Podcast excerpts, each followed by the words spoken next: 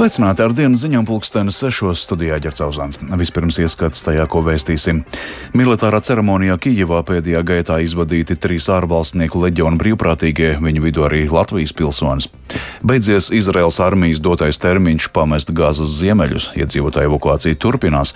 Polijā rīt parlamentu vēlēšanas stājas spēkā priekšvēlēšana aģitācijas aizliegums. Par šo visu turpinājumā plašāk.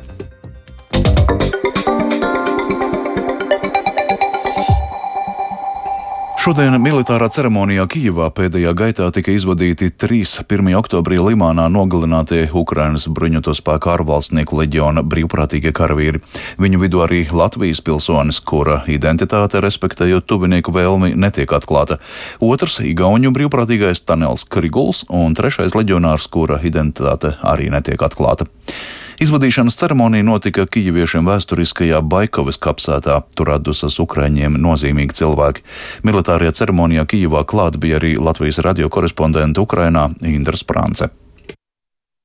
Viņi visi trīs tika izvadīti militārā atvadīšanās ceremonijā. Atvadīšanās zālē viņus ienesa uz saviem pleciem Ukraiņas bruņoto spēku karavīri. Visa zāle arī metās uz ceļiem, izrādot godu un cieņu bojā gājušajiem. Šeit bija ieradušies arī ļoti daudz bojā gājušo cīņu biedri, un uh, visa atvadīšanās bija ļoti emocionāla. Pirmo reizi šeit, Ukrainas krematorijā, skanēja arī Latvijas himna, tādējādi godinot bojā gājušo Latvijas karavīru. Un uh, šis ir pirmais publiski zināmais Krievijas sāktajā pilna apmēra karā pret Ukrainu nogalinātais Latvijas brīvprātīgais. Viņš samaksāja augstāko cenu par brīvu Ukrainu un arī brīvu Latviju. Gāzes joslā turpinās iedzīvotāju evakuācija uz reģionu dienvidiem, tomēr ne visi ceļi, kas tika oficiāli pasludināti par drošiem, patiešām nodrošina neskārtu izbraukšanu. Tādēļ tiek ziņots par cilvēkiem, kas gājuši bojā, mēģinot pamest Gāzes ziemeļus.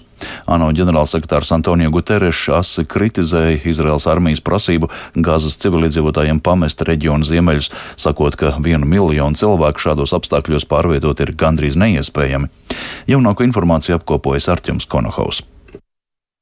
Raķetes sprādziens ir nogalinājis vismaz 12 palestīniešus, kuri mēģināja pamest Gazas ziemeļus. Viņa vidū arī maza bērni. Tas apliecina ANO ģenerālsekretāra Antonija Gutereša brīdinājumu, ka Izraēlas armijas rīkojums pārvietot diennakts laikā aptuveni miljons iedzīvotāju ir grūti īstenojams. Turklāt slimnīcas Gazas dienvidos ir pārpildītas un nevarēs palīdzēt daudziem palestīniešiem, piebilda Guterres. Pārvietot vienu miljonu cilvēku caur blīvi apdzīvotu kara zonu uz vietu, kur nav ne ēdiena, ne ūdens, ne naktsmītnes, laikā, kad visa teritorija ir aplēgta, ir ļoti bīstami un dažos gadījumos vienkārši nav iespējami. Par kariem ir noteikumi ir jārespektē starptautiskos humanās palīdzības likumus un cilvēktiesības. Civiliedzīvotājiem ir jābūt pasargātiem, un tos nekad nedrīkst izmantot kā dzīvos vairogus. Visus gūstekņus Gazā ir nekavējoties jāatbrīvo. Izraēlas prasību Gazas ziemeļu daļas iedzīvotājiem pamest savas mājas asi kritizē arī bijušais norvēģu diplomāts Jans Egelants. Viņš savulaik aktīvi piedalījās sarunās starp izrēliešiem un palestīniešiem un palīdzējis noslēgt Oslo vienošanos. Intervijā Britu raidsabiedrībai BBC Egelants ir nodēvējis to par kara noziegumu. Jāpiebilst, ka sestdienas pēcpusdienā ir beidzies Izraēlas armijas atvēlētais laiks, lai palestīnieši varētu pamest Gazas ziemeļus. ASV valsts sekretārs Antonijs Blinkens telefonu sarunā ar savu Ķīnas kolēģi Vanu Ji ir mudinājis Pekinu iesaistīties šī konflikta risināšanā. Ji solīja, ka Ķīna spēlēs konstruktīvu lomu.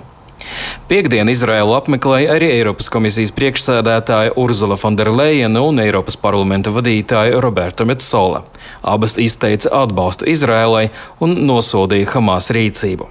Fonderleina arī pauda pārliecību, ka Izraēlas atbild uz teroristu uzbrukumu apliecinās, ka tā ir demokrātiska valsts. Savukārt bijušais teroristiskā grupējuma Hamas līderis Halīds Mešāls intervijā Turcijas televīzijas kanālam Haberturk TV attaisnoja grupējuma kaujinieku pastrādātos noziegumus pret izrēliešiem. Viņš paziņoja, ka lepojas ar Hamas rīcību un piebilda, ka gan Izraels civiliedzīvotāji, gan armija ir okupanti viņu zemē. Izraels armijai piekdien ir izdevies atrast vairākus teroristiskā grupējuma Hamas sagrābto ķilnieku līķus. Viņi atradās pazemes tuneļos Gazas joslā, tomēr nekādas plašākas informācijas par šo nav. Tiek ziņots, ka Izraēlas uzbrukumu dēļ Gazā ir iznīcināta aptuveni 1300 ēku. Tāpat Izraēlas pusē šis konflikts ir aiznesis aptuveni 1300 dzīvības, bet palestīniešu pusē bojā gājuši vismaz 2200 cilvēku. Arcums Kalnhaus Latvijas Rādio Briselē. Polijā rīt notiks parlamenta vēlēšanas, kurās izraudzīsies 100 augšpalātas senāta deputātus un 460 apakšpalātas saima deputātus.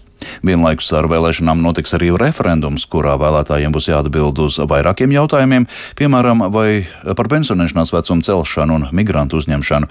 Vakar oficiāli noslēdzās priekšvēlēšana kampaņa, kuras laikā politiskās partijas un kandidāti varēja aģitēt un tikties ar vēlētājiem. No Varšavas ziņo Uldas Česberis.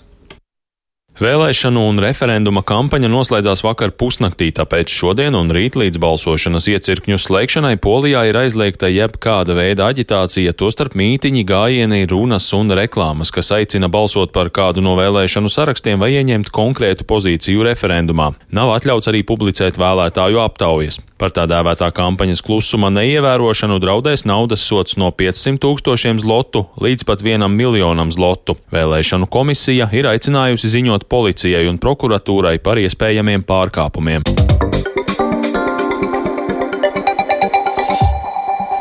Rīt apritēs simt dienu, kopš valsts prezidenta amatā stājās Edgars Rinkevičs. Vērtējot Rinkeviča darbu, pirmajās simt dienās valsts vadītāja amatā Latvijas Universitātes profesors Ojārs Skudra uzsver, ka jaunais valsts prezidents nav pazudis krīzes situācijās, kā arī samērā aktīvi iestājies par nepieciešamību mazināt sociālo nevienlīdzību.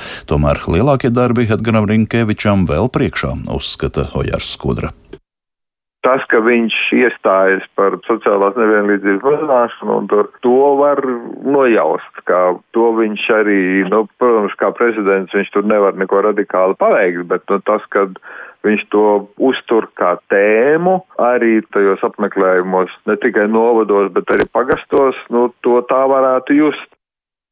Savukārt valsts prezidenta vērtējumu situācijai valstī un valdības darbām varētu sagaidīt viņu runā valsts svētkos 18. novembrī, tā norādīja Ojārs Skudra. Šodien notika jau devītais pasaules diktāts latviešu valodā. Tekstu klātienē Nacionālajā bibliotekā diktēja aktrise Agnēs Budovska, bet to sacerēja rakstnieks Mārs Bērziņš. Bet pēc īsa brīža jau septīto reizi būs iespēja rakstīt diktātu arī latgaliski. Tas ir liels pagodinājums, ja rakstnieks saņem šādu piedāvājumu. Tā uz šo nu jau tradicionālo notikumu lūkojas iepriekšējo gadu diktāta tekstu autori.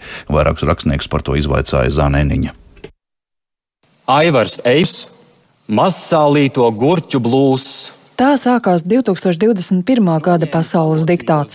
Aktieris Mārtiņš Meijers lasīja rakstnieka Aivara Eipura speciāli šim notikumam sacerēto tekstu. Darbvakar ar vienu kolēģi runājām par gurķu skābēšanu, un man tieši tajās dienās skatījās piedzīvojums centrāla tirgu, un uh, es to arī uzrakstīju, izmantojot mana žanra minimas paveidu, bet to es pielāgoju diktātam. Diktāta rīkotāju nodibinājuma pasaules valoda ieteikums bijis tekstā ietvert gan garākus, gan īsākus teikumus, divdabļa teicienus, kādus sarežģītākus svešvārdus, arī saliktos saikļus vai citādus sintakses slazdus. Stāsta pagājušā gada diktāta teksta autors rakstnieks Osvalds Zebris. Galvenais jau autoram ir sacerēt kaut ko tādu, kas kaut cik varētu būt varbūt arī interesants. Man bija ļoti patīkami klausīties, jo bija brīnišķīgais eh, Gerds Lapoška, kas lasīja to tekstu un man izklausījās pat ne pēc mana, bet kaut kādu tiešām ļoti labu tekstu. Rakstnieks Andris Akmentiņš, kuras atcerējuma diktātā lasīja 2018. gadā, priecājas, ka šī latviešu valodu dzīvinošā un visiem pieejamā bezmaksas aktivitāte vēršas plašumā. Viņai vajadzētu iedot lielāku naudu, lai tur vairāk iznāk, jo mums ir jautājums par to, cik labi latviešu valodas juristi. Un, un nu, mums vēl arī piesārņo, teiksim, nu, mums tagad ir uh, filmas ierunājošais robots. Viņš jau veido smadzenes. Tur kaut kāds cilvēks klausās un reģistrē galvā, ka šī tik stulbi var runāt. Pievakarē notiek arī septītais diktāts latgaliešu rakstu valodā. Tas skanēs Latvijas radio viens ēterā raidījumā Kolnasāta, bet video formātā būs skatāms sabiedrisko mediju portālā LSMLV un latgaliešu kultūras ziņu portālā Lakuga LV. Tekstu speciāli diktātam sarakstījusi literāte un žurnāliste Laura Melne. Zāna Eniņa, Latvijas radio.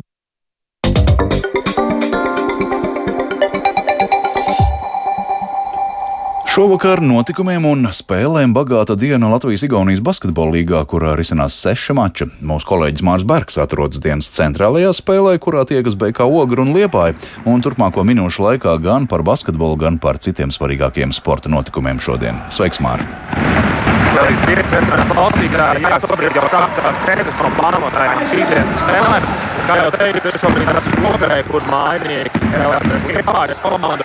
Abas šīs komandas pavasarī cīnījās Latvijas līgas bronzas tajā sērijā pavasarī uzvarēja Liepājas basketbolisti.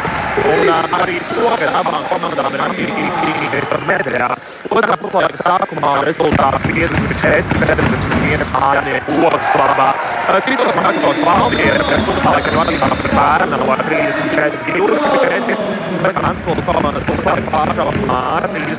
Jā, Māri, Māri atvaino, tomēr sakaru kvalitāte ir diezgan slikta un laikam pār sportu nedzirdēsim šokar no Māra Verga.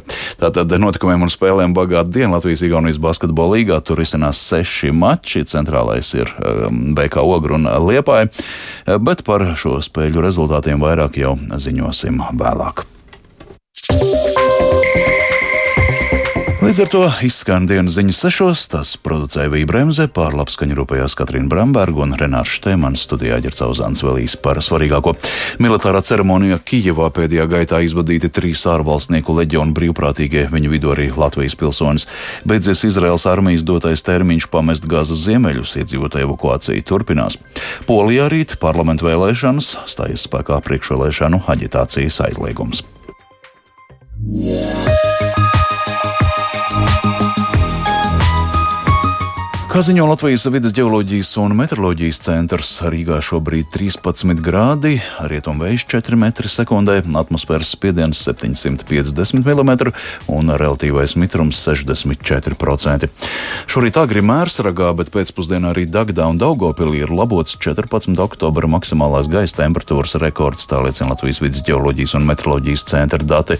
Ap 6 rītā mērsragā termometra stabiņš pakāpās līdz 17,6 grādiem, pēcpusdienā dienā noslīdēja zem 13 grādiem. Agrā pēcpusdienā Dagdā gaisa temperatūra paaugstinājās līdz 19,1 grādam, pārspējot ne tikai 14. oktobra, bet arī mēneša otrās dekādas siltuma rekordu šajā novērojuma stācijā.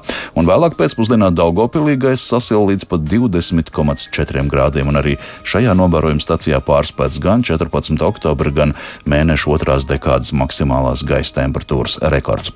Bet nav pārspēts visas valsts rekords, jo 2018. gadā gadā Ventspilī gaisa temperatūra šajā datumā pakāpās līdz 21,1 grādam.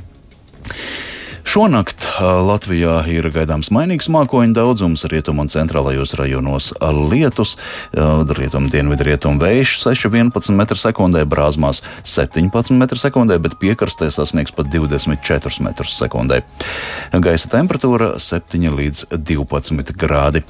Rītdienā mākoņēns brīžiem skaidrosies, palaikam arī lietus un vietām līs stipri, iespējams pērkona negaiss. Putīs brāzmēns rietumu dienvidu rietumu vējš 8,13 m sekundē, brāzmās 17 m2, bet jūras piekrastē līdz 25 m2. Gaisa temperatūra rīt 8 līdz 12 grādi. Rīgā mainīgs mākoņu daudzums, dienā pa laikam līs, būtīs brāzmainas rietumu un dienvidu rietumu vējš 6,11 m2, brāzmās līdz 17 m2, un gaisa temperatūra gan naktī, gan dienā gaidāma ap 10 grādiem. Laika tips būs trešais, nevisai labvēlīgs.